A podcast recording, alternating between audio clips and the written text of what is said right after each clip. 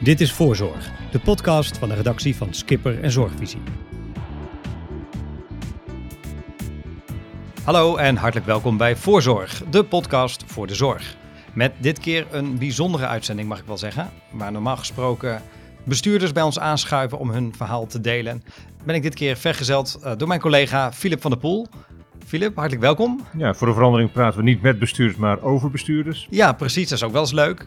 En de aanleiding dat we dat doen is eh, het verschijnen van de nieuwe Skipper 99. De lijst van de 99 meest invloedrijke bestuurders in de zorg. Ja, alweer de dertiende editie. Dus uh, het is, uh, hoe zou ik zeggen, de kinderjaren ontgroeid inmiddels, deze lijst. Ja, nou daar wil ik graag, graag meer over weten. Jij bent toch wel ja, mister Skipper 99, mag ik wel zeggen. Ik heb aan de wieg gestaan. Ik heb uh, de methodiek erachter uh, uh, ontwikkeld, mede ontwikkeld. En kun je vertellen, waarom vond je dat er zo'n lijst moest komen?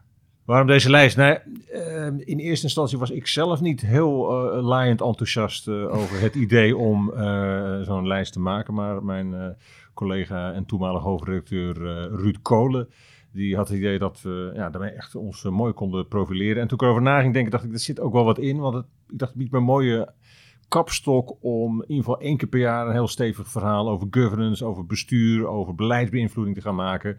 Uh, ja, alleen gaandeweg bleek natuurlijk dat een hele hoop van onze, lezers um, die lijst minstens zo belangrijk vonden als het begeleidende verhaal over governance issues. Um, ja, zo is het eigenlijk ontstaan. Er zijn natuurlijk mensen die zeggen, uh, de meest invloedrijke persoon in de zorg is natuurlijk uh, de minister. Dus waarom uh, moet je daar dan elk jaar een lijst voor opstellen? Nou ja, die vraag krijg ik natuurlijk ook geregeld. dan moeten we soms eventjes kijken naar de systematiek van die Skipper 99. Wat zijn nou insluitingscriteria, wat zijn uitsluitingscriteria? Maar misschien is het goed om één stapje terug te doen en eventjes naar voren te halen van wat is die Skipper 99 nou? Wat mij betreft is het een lijst van invloedrijke veldspelers. Um, waarmee we eigenlijk het spel van beleidsbeïnvloeding en lobby uh, zichtbaar willen maken. Uh, daar, in, eigenlijk, daar ligt een soort uh, onderscheid aan ten grondslag waarin we verschil maken tussen, tussen macht, hè, laten we zeggen de formele bevoegdheid om op landelijk of in ieder geval instellingsoverstijgend niveau besluiten te nemen, en invloed. En invloed is dus eigenlijk de manier om te sturen, de, die, die beslissingen te sturen zonder dat je daar rechtstreeks zeggenschap over hebt. En vooral die tweede schil, die willen we met die Skipper 99 uh, in beeld brengen. En dat betekent dus eigenlijk uh, kwaliteit qua dat we geen ministers meerekenen, geen ambtenaren, want die zijn natuurlijk eigenlijk uh, ja, gewoon een verlengstuk van uh, de overheid. Politici mogen wel meedoen, maar dan op grond bijvoorbeeld van nevenfuncties in de zorg. Vooral senatoren hebben er nog wel wat. wel wat ja. Dus, ja. Nou, dat is denk ik globaal het antwoord op jouw vraag van waarom niet de minister. Je kunt natuurlijk op een gegeven moment over reden twisten uh, uh, waar je die censuur op een gegeven moment nog moet leggen. Ehm, we hebben dit jaar ergens zitten, zitten dubben in hoeverre we bijvoorbeeld de leden van het OMT konden meetellen of niet. Hè? Want een, een, belangrijk aantal daarvan is natuurlijk in dienst van de RIVM. RIVM is gewoon eigenlijk een soort overheidsorgaan. Hè? De mensen ja. daar hebben in ieder geval keurig een ambtenaar de CAO. Uh, tezelfde tijd, dat OMT heeft eigenlijk een onafhankelijke adviesfunctie, een kritische onafhankelijke functie. Uh, het zijn ook niet alleen RIVM-mensen die erin zitten, het zijn wel, wel, wel de kernleden, maar tezelfde tijd uh, ja, tientallen velddeskundigen die komen elkaar daar tegen. Dus we vonden uiteindelijk dat dat gewoon voldoende grondslag was om wel uh, uh, in de Skipper 99 te kunnen komen. Ja, dus die worden wel uh, meegenomen. Voordat we gaan kijken naar welke lijst dit jaar uit is gekomen, wil ik toch nog even weten, op basis waarvan komt die nou tot stand? Ja, ook een goede vraag. het is geen nou, populariteitsverkiezing. Nee, beslist niet. Het is ook geen wedstrijd. Hè. Um, um, nou, je moet je voorstellen, um, de, de, eerste schifting vindt plaats op basis van, eigenlijk is het een, uh, een, een wiskundige formule waarin we een aantal zaken uh, meewegen. Uh, die we hebben aangeduid als bestuurswaarte en netwerkzwaarte. En daar komt de score uit. Wat is die bestuurswaarte? Dat gaat over de, de, wat ben je in, in de zorg? Ben je eindverantwoordelijk bestuurder? Ben je lidraad van bestuur? hoe groot is jouw instelling, zou ik maar zeggen? Want dat ja. telt ook natuurlijk. En, en, en waar kijk je daarnaar als het gaat om grootte? Uh, dat meten we in omzet. Dat zijn natuurlijk openbare gegevens. Nou, dat tweede heb je netwerkzwaarte. Natuurlijk heel veel uh, mensen aan de top van de zorg vervullen meerdere functies. Ze zijn bestuurder en toezichthouder. Uh, nou ja, en da daar kun je een soort netwerkzwaarte uit destilleren op grond van het aantal functies, maar ook waar brengen die functies jou? Met wie zit je daar aan tafel? Nou, uh, er ligt een, ja, een database van zo'n 1200 personen aan ten grondslag. En die, die brengen we terug tot een soort longlist van 200. Ja, en die moet dan voor de finale kwijting moet die nog gehalveerd worden. Hè? Ja. En uh, gebeurt het allemaal puur op basis van wiskundige formules of zit er ook een menselijke component in? Nou, we, hebben in ieder geval een, uh, al jarenlang een, een, vast panel die uh, de formule bewaakt. En ook ja, toch een beetje hun vingerspitsengevoel laat spreken. En die bestaat uit Cathy van Beek, oud bestuur van Radboud, Radboud UMC en nog altijd heel erg actief in de zorg. Klaus Schmid, natuurlijk een van de welbekende headhunters heette dat vroeger in de top van de zorg. Ruud Kolen, ja, bedenker van Skipper ooit, inmiddels doorbewogen in zijn carrière en sinds een klein jaar director Dutch Health Hub bij de jaarbeurs. Gaan die dan op basis van de uitkomsten van de eh, van het systeem denken van nou, wat past bij onze ervaring en bij onze visie en bij ons gevoel wel, erbij? Als er echt rare dingen in zitten, dan kijken we daar eens nog eens goed naar. En uh, ja, kijk, een formule is ook maar een formule. Eh, het is natuurlijk met cijfers, je kunt cijfers uiteindelijk ieder verhaal laten vertellen wat je wil. Het kan dus zijn dat je dan uitkomst in één keer tegen, want je denkt van dit, dit, dit past gewoon niet. Hè. Ja, heb, je, heb je een voorbeeld van een uitkomst zonder per se namen te noemen, maar iets, iets waarvan je denkt, meer, laat, laat ik eens wat algemener zeggen. Het, het is zo moeilijk om bepaalde uh, ontwikkelingen, tendensen trends, belangrijke onderwerpen te pakken in cijfers. Neem een onderwerp als duurzaamheid, neem een onderwerp als innovatie. Je hebt mensen die heel erg, zich heel erg verbonden hebben aan dat onderwerp, die ook uh, dat onderwerp ontzettend promoten op allerlei plekken. En zonder dat ze misschien verbonden zijn aan een hele grote zorginstelling of uh, aan een zorgverzekeraar. En dan kun je dus niet zeggen, ja, die mensen die hebben uh, geen invloed op hoe de, de, de, zorg zich in Nederland ontwikkelt. Dus dat probeer ik toch een beetje mee te pakken. Ik, ik heb in het verleden wel eens gedacht naar de analogie van uh, een, een, Amerikaanse tijdschrift voor zorgmanagement. Om te kijken of we er niet een volledige open verkiezing van konden maken. En laat iedereen maar reageren op, uh, op internet. Want ik bedoel, het, klopt, dat krijg ik ook wel eens van waarom staan er zo weinig zorgverleners in? Ja. En dan bedoel ik dus echt de mensen met de poot in de modder. Hè? Ja, ik heb zoiets. Dat is niet omdat we die mensen willen uitsluiten. Maar uh, ja, op grond van de huidige skippercriteria wordt dat gewoon lastig. Toen we het helemaal open wilden gooien, toen bleek dat toch best moeilijk om daar echt mensen voor te porren om even te stemmen. En. Uh, ja, dan wordt het misschien toch wel te veel een populariteitsverkiezing. En misschien ook maar net ja, wie nou, zich leuk was het maakt. We hebben uiteindelijk daar toch nog twintig namen uit kunnen destilleren. Want het waren uiteindelijk een 600, 700 tal mensen die de moeite heeft genomen om namen aan te dragen en in die zin te stemmen. Die 20 die kwamen toch behoorlijk overeen met de top 20 uit de Skipper 99. Dus dat voelde goed. Ondanks het feit dat we ook een evident uh, uh, ja, valsspeler eruit hebben moeten vissen. Die waarschijnlijk, wij denken, een handige zoon had. En die handig was met computers, want we zagen op een gegeven moment van één IP-adres heel veel uh, heel veel naam, dezelfde naam binnenkomen. En, die naam, die, en die naam die was? Ja, nee, daar zijn we wel discreet over. Maar uh, nee, dat valt dus gelijk op dan. Hè. ja, dat, dat begrijp ik. Nou zei je net, je kunt in principe eh, de cijfers, elk verhaal laten vertellen dat je wilt. Wat is nou eigenlijk het verhaal dat de Skipper 99 in de loop der jaren heeft verteld? Door de loop der jaren zie je toch wel een paar trends in bestuur en governance. Eh, toen wij begonnen speelde nog heel erg, uh, was iedereen nog heel enthousiast. Niet iedereen, maar laten we zeggen, het draagvlak voor marktwerking in de zorg was een stuk groter. Dat leidde ertoe tot een influx van mensen uit het bedrijfsleven in allerlei functies. Vooral in raden van, van, van toezicht, raden van commissarissen. Uh, gaandeweg zijn eigenlijk die mensen ook weer verdwenen. En is er toch wel veel meer nou, de nadruk te liggen op uh, kennis van de zorg. Uh, vanaf meet af aan zijn zorgverzekeraars prominent aanwezig geweest in de lijst. Dat is natuurlijk niet zo gek als je bedenkt dat zij uh, eigenlijk miljarden te spenderen hebben en daarmee natuurlijk uh, sturing en richting geven aan die zorg. Daar dient zich ook wel weer een dilemma aan, hè? want wij zijn in de beginnen uitgaan van het idee dat je een mooie censuur kunt maken tussen de machthebbers enerzijds en de mensen die daar invloed willen uitoefenen. En eigenlijk, dat systeem was ook zo wel ingestoken. Uh, dat is toch gaan verwateren in de loop der jaren. Dat heeft wel te maken met overheidsbeleid. Hè. Kijk nou bijvoorbeeld naar die zorgverzekeraars. Die werden geacht ooit om toch hele scherpe, kritische inkopers te zijn, onafhankelijk.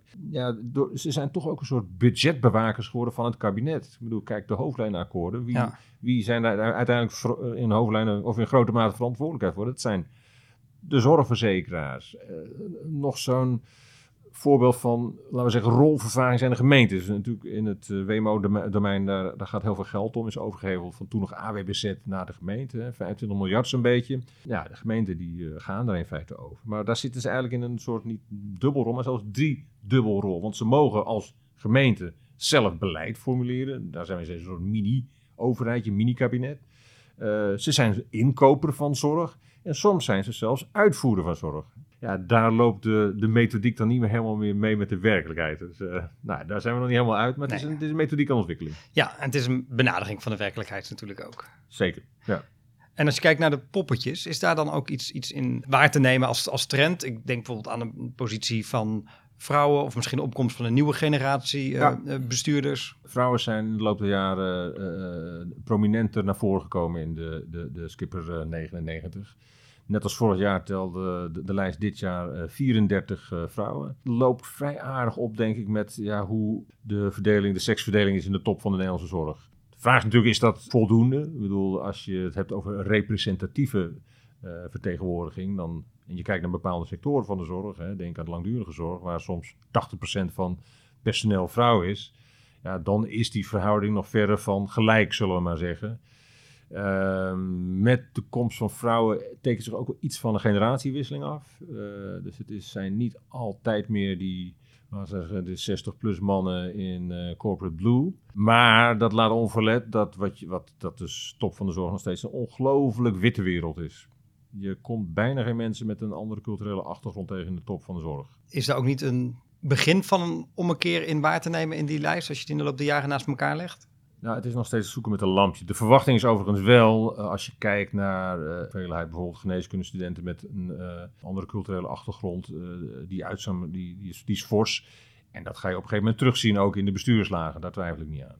Ja, maar dat vergt nog wat geduld. Ja, en bijvoorbeeld ook in de raden van toezicht zie je al wel meer mensen die niet hè, dat, dat stereotype profiel hebben wat we, wat we kennen van, van enkele jaren terug in de Skipper 99. Nou was dit natuurlijk een heel bijzonder jaar voor, uh, nou ja, voor bijna de hele wereld, zou ik zo'n beetje zeggen. Zeker ook voor de zorg. Heeft dat zijn weerslag op de lijst die er dit jaar uit is Ja, beslist. Uh, corona heeft natuurlijk zoals heel veel facetten van de zorg en misschien het hele maatschappelijk leven in Nederland gekleurd. Dat is evident. Uh, ik had het al zo even over het OMT en RIVM. Die een aantal van die mensen die zien we nadrukkelijk terug. die hebben natuurlijk zo, het, niet alleen beleid, maar ook het publiek debat over hoe om te gaan met corona. En ook dan in brede zin hoe om te gaan met de zorg uh, ja, gekleurd. Dus uh, daar kun je niet omheen. Ja, en als je dan een paar namen eruit uh, pikt. We hebben de, li de lijst hier voor ons op tafel liggen. Ja, laten we maar aansluiten bij wat ik zo even zei. Hè. OMT, ja, de, de, meteen de hoogste nieuwe binnenkomer op de, op de tweede plek is Jaap van Dissel. En dat is misschien niet zo vreemd, want uh, was het niet Jaap van Dissel die nog maar anderhalf, twee weken geleden eigenlijk met een brief aan het kabinet, uh, het kabinet bewoog tot een, uh, tot een harde lockdown waar we nu in zitten. Maar is dat dan invloed op de maatschappij of ook puur op de zorg? Dit heeft natuurlijk ook onherroepelijk invloed op de zorg, op de instroom van het aantal mensen in de instellingen. Dus nee, de, dus dat, dat interpreteer ik dus wat, wat breed, maar dat, natuurlijk, het treft de hele samenleving en niet alleen de zorg. Um, maar hè, ook verderop op plek 7, Diederik Gommers. Uh, ja, dat is natuurlijk ook iemand uh, als voorzitter van de, van de Nederlandse Vereniging van de Intensive Care. Um, die met zijn verhaal natuurlijk eigenlijk al op een bepaalde manier heel erg voorsorteert op hoe we die ziekenhuiszorg in de toekomst gaan inrichten. Ja, en, en hoe kan het dat die er vorig jaar dan nog niet op stond? Omdat op dat moment dat debat over waar we heen moeten met de intensive care helemaal niet zo speelde. Sterker nog, we dachten eigenlijk dat we misschien wel wat met nog wat minder bedden toe konden. Want we dat, ja, dat is natuurlijk het schaarste model is natuurlijk heel lang uh, bonton geweest in uh, de ziekenhuizen. Want het moest allemaal zo slim en efficiënt mogelijk. Ja, dat heeft toch. De keerzijde ervan is heel duidelijk geworden. Dat zien we ook met de beschermingsmiddelen. Hadden we voorraden? Nee, maar dat was ook omdat voorraden werd gezien als uh, ja, slecht bedrijfsbeheer. Hè? Ik bedoel, dat kost allemaal geld, dat kost allemaal opslagruimte. Ja dan betaal je dan toch een prijs voor. En ook met die IC-bedden, nou, dat hadden we netjes heel erg op het randje afgesteld. Nou, en op het moment dat er echt iets misgaat, dan zie je meteen dat uh, het water over de plinten klopt. Dus er zijn sommige mensen die voorheen nog niet op de lijst stonden en nu ineens ja, maar je onder moet je voorstellen, het, heel hoog het is niet dat wij die mensen niet in beeld hadden, maar goed, eh, het is nog een reductieve lijst. Hè. 99 namen zijn niet veel. Dus je, weet je, je moet je voorstellen dat er zo 200, 250 namen zijn die eigenlijk best op die lijst passen. Het is ook niet gezegd als je in het ene jaar erin staat, het andere jaar eruit bent, dat je dan nooit meer terugkeert. Nee, Nee. dat... eh, Nou, dat wilde ik vragen.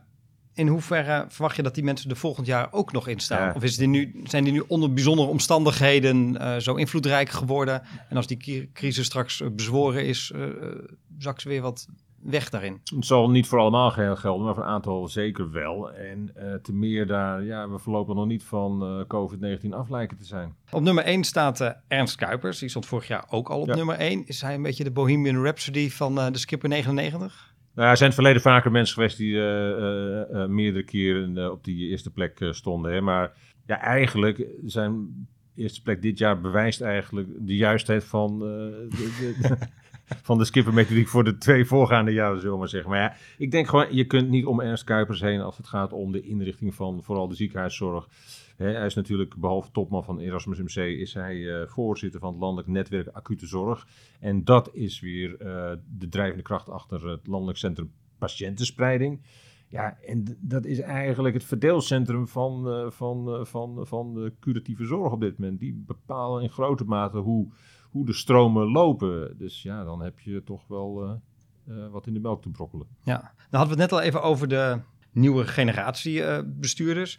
Zie je hier nou ook namen tussen staan waarvan je denkt van nou, die zijn echt ja, rising stars, zal ik maar zeggen, in, in zo'n lijst. En die gaan de komende jaren alleen nog maar aan invloed winnen. Ja, dat, dat laatste vind ik moeilijk. Maar ja, we- natuurlijk hebben een aantal eh, namen van relatief, eh, relatief eh, jonge, jonge beïnvloeders, zou ik maar zeggen. Hè. En, dan Minstens toch ook wel een klein beetje vaste waarde.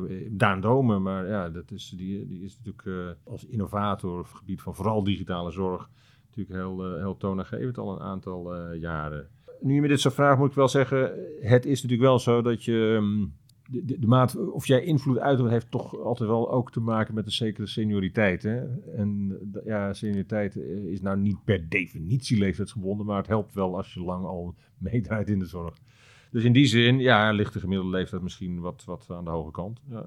Zijn er verder nog dingen die jou zijn opgevallen in de lijst van, van dit jaar of van de afgelopen jaren? Wat, eh, wat is me opgevallen? Ja, een aantal van die observaties deelde ik net al met je. Dat ik denk, ja, het is toch heel 50, 55 plus, eh, wit, hoog opgeleid. Ja, allemaal niet zo vreemd natuurlijk.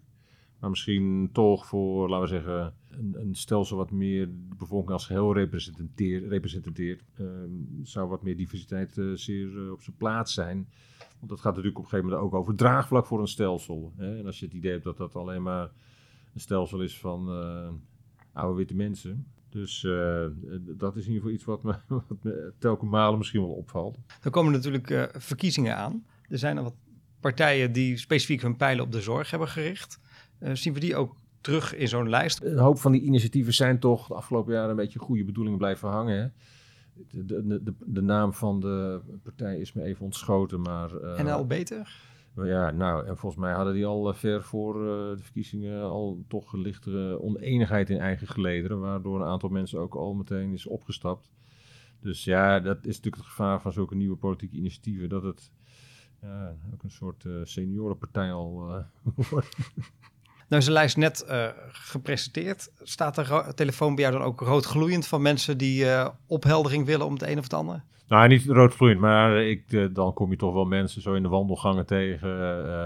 nou ja, nu, nu is dat fysiek wat ingewikkelder, maar anders bij nieuwjaarsborrels en dergelijke, die toch wel willen weten waarom ze er wel niet in staan, waarom die hoger, lager. Nou, ik denk meestal kunnen we dat wel goed uitleggen. In onze leerjaren hebben we wel eens, eh, hebben we wel eens een, eh, een foutje gemaakt. Maar uiteindelijk bleek dat misschien helemaal niet zo'n foutje te zijn. Destijds, eh, uit, uit de boezem van de LPF, kwamen een aantal mensen die nadat dat kabinet gevallen was, op zoek waren naar een nieuwe betrekking. Waaronder meneer Roelf de Boer. En die is een korte tijd voorzitter geweest van de Nederlandse Vereniging voor Ziekenhuizen. Nou, op grond van die functie zei dan heb je wel een plekje in die lijst verdiend. Alleen hij heeft volgens mij nooit helemaal aansluiting gevonden in die, eh, die, die ziekenhuiswereld. En alsof de duivel ermee speelde, hadden we hem helemaal over het hoofd gezien in de lijst. En dat eh, viel geloof ik toen niet zo goed. Dus ik geloof dat mijn toenmalige chef Ruud Kolen nog uitleg heeft moeten geven op het eh, NVZ-kantoor. Maar even later was de, de, de betreffende voorzitter ook vertrokken bij de NVZ. Dus Ja, dat is ook een kwestie van Dus wat is oorzaak en wat is gevolg. Nou ja, de, laten we niet, uh, laten we niet uh, beweren dat, dat, dat... Maar goed, we hebben natuurlijk wel degelijk impact ge gehad. Hè? En dan, het is een beetje oude koeien, maar de eerste keer dat we naar buiten kwamen met Skipper 99... ging dat gepaard met een verhaal over nevenfuncties van Tweede Kamerleden in de zorg. Uh, waarin we toch wel aannemelijk hebben gemaakt dat dat op punten toch, toch lastig is, die dubbele petten. Omdat dat toch snel tot een zweem van belangenverstrengeling kan leiden. Hè? Als jij moet beslissen, moet stemmen over zaken die jou, uh, de instelling waar je toezicht houdt, rechtstreeks raken, ja, dat wordt een ingewikkelde figuur. En op grond daarvan heeft toen een PvdA-kamerlid haar nevenfuncties neergelegd. Met, uh, als toezichthouder bij het uh, Wilhelmina ziekenhuis in Assen. Dus uh, ja, dat gebeurt. Dat gebeurt gewoon ook wel. Ja.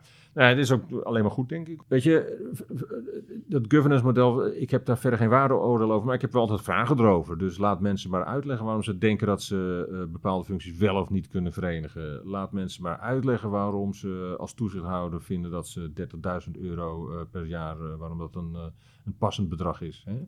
Uh, ook als dat misschien uh, niet helemaal in lijn is met wat de, eigen uh, vereniging van toezichthouders aanbeveelt. Nou, dat, dat, daar gaat het me vaak om. Dus dat soort issues die komen wel bovendrijven door, door die Skipper 99. Tot slot, de lijst van dit jaar bevat veel nieuwe namen. Verwacht je dat dat komend jaar weer zo roerig zal worden? Of gaat het nu weer een soort nieuwe, of nieuwe balans vinden? Ja, nou ja, dat, we raakten sowieso eh, we raakten zo even ook al uit te spreken over corona. En dat heeft natuurlijk wel mee te maken van die 26 nieuwe namen in deze lijst. Uh, zijn er zes toch meer dan meer gerelateerd aan, aan corona en het, optreden van de zorg tegen corona. Ja, volgens mij zijn we in ieder geval nog tot, zeker tot de zomer zoet met, met, met corona. En mogelijk zelfs nog langer. dus, dus vragen rond hoe moet, moeten we nou die zorg inrichten en de ideeën die uh, mensen uit het veld erover hebben, die zullen ook dit jaar blijven spelen. Ik, ja, ik durf, ik, weet je, als je mij persoonlijk zou vragen, het zou heel fijn zijn als die mensen niet binnen de lijst hoefden, want dan zijn, waren we van corona af. Maar uh, ja, zo. Ja, ja, misschien, misschien dat ze dan denken van, nou, ik heb over een hoop andere dingen ook nog wel wat te melden. En laat ik proberen die politie vast te houden. En... Ja, nou, als ze, als ze daarmee net zo stevig zouden weten te, te, te uh, impact zouden hebben als dit jaar, dan zou dat uh, best een grond zijn om, uh, om voor een nieuwe plek. ik geloof niet dat er besturen zijn die wel bewust hun handelen inrichten op, op, hun, op een streven om in de skipper 99 te belanden. Nee, dat zou ook niet gezond zijn. Nou ja, ook toch een stukje anekdotiek. Uh, ik herinner mij een, uh, een, bestuurder van een groot, groot ziekenhuis, al heel lang geleden hoor. En uh, die eigenlijk ons een beetje ja, op de vingers tikte dat ze met zo'n lijst toch ook wel heel erg meededen aan het creëren van persoonscultus, aan mannetjesmakerij. En dat hoefde voor hem niet. Het is niet dat je wel of niet mag zeggen of je in de skipper 99 komt. dat dat beslist. de, over de, de, uitslag wordt niet gecorrespondeerd. Maar, maar goed, toen kwamen we toevallig op een veel later tijdstip de CV van de betreffende bestuurder tegen. En toen bleken toch de noteringen, zijn eigen noteringen in de Skipper 90 keurig te zijn eh, opgenomen in uh, de straal. Dus ja, dat, uh, dat is toch leuk om te merken. Dat, dat ja, niks menselijks is voor bestuurders vreemd, dus, dus een klein tikkie eiland is ook niet erg. Nee. nee. Ja, dus over de uitslag wordt niet gecorrespondeerd. Als mensen dat toch willen proberen, hoe kunnen ze oh, dan bereiken? Dat is een matter of speech. Nee, eh, mensen mogen altijd aankloppen als ze denken dat iets niet klopt. Als ze het er niet mee eens zijn, graag, kom op, kom maar op. Nee, want wat ik net zei, wat mij betreft, eh, door die verschuivingen in dat, dat bestuurlijk speelveld in de zorg, puzzelen we een beetje op hoe we de systematiek, systematiek beter kunnen laten aansluiten daarop. Eh, dus ja, uh, commentaar uit het veld zijn meer dan welkom. Ja, en hoe kunnen mensen het beste aankloppen? Uh, redactie.skipper.nl of uh, ja, ze kunnen ook mij eventjes googlen. En ik sta ook op allerlei plekken van LinkedIn tot op de redactiepagina van Skipper. Ja, nou, ze weet u ongetwijfeld wel te vinden. Heel erg bedankt voor het aanschuiven en voor je tijd en uitleg. En ja, volgend jaar een nieuwe lijst. Graag gedaan. Ja, en dan hopelijk een, onder een iets gelukkiger gesternte. Want het is natuurlijk eigenlijk best wel wonderlijk dat de, juist die dertiende editie zo in het teken staat van een eh, pandemie die ons alle toch heel erg apart speelt. Rest mij alleen nog om iedereen hartelijk te danken voor het luisteren. De volledige lijst van de Skipper 99 vindt u op www.skipper.nl, waar u ook dagelijks het laatste nieuws over de zorg leest. Interviews en achtergronden over de zorg vindt u op www.zorgvisie.nl. U kunt zich abonneren op deze podcast via onder meer Spotify en Apple Podcast. Doet u dat vooral, dan hoeft u geen aflevering te missen. Nogmaals, hartelijk dank voor het luisteren en tot de volgende voorzorg.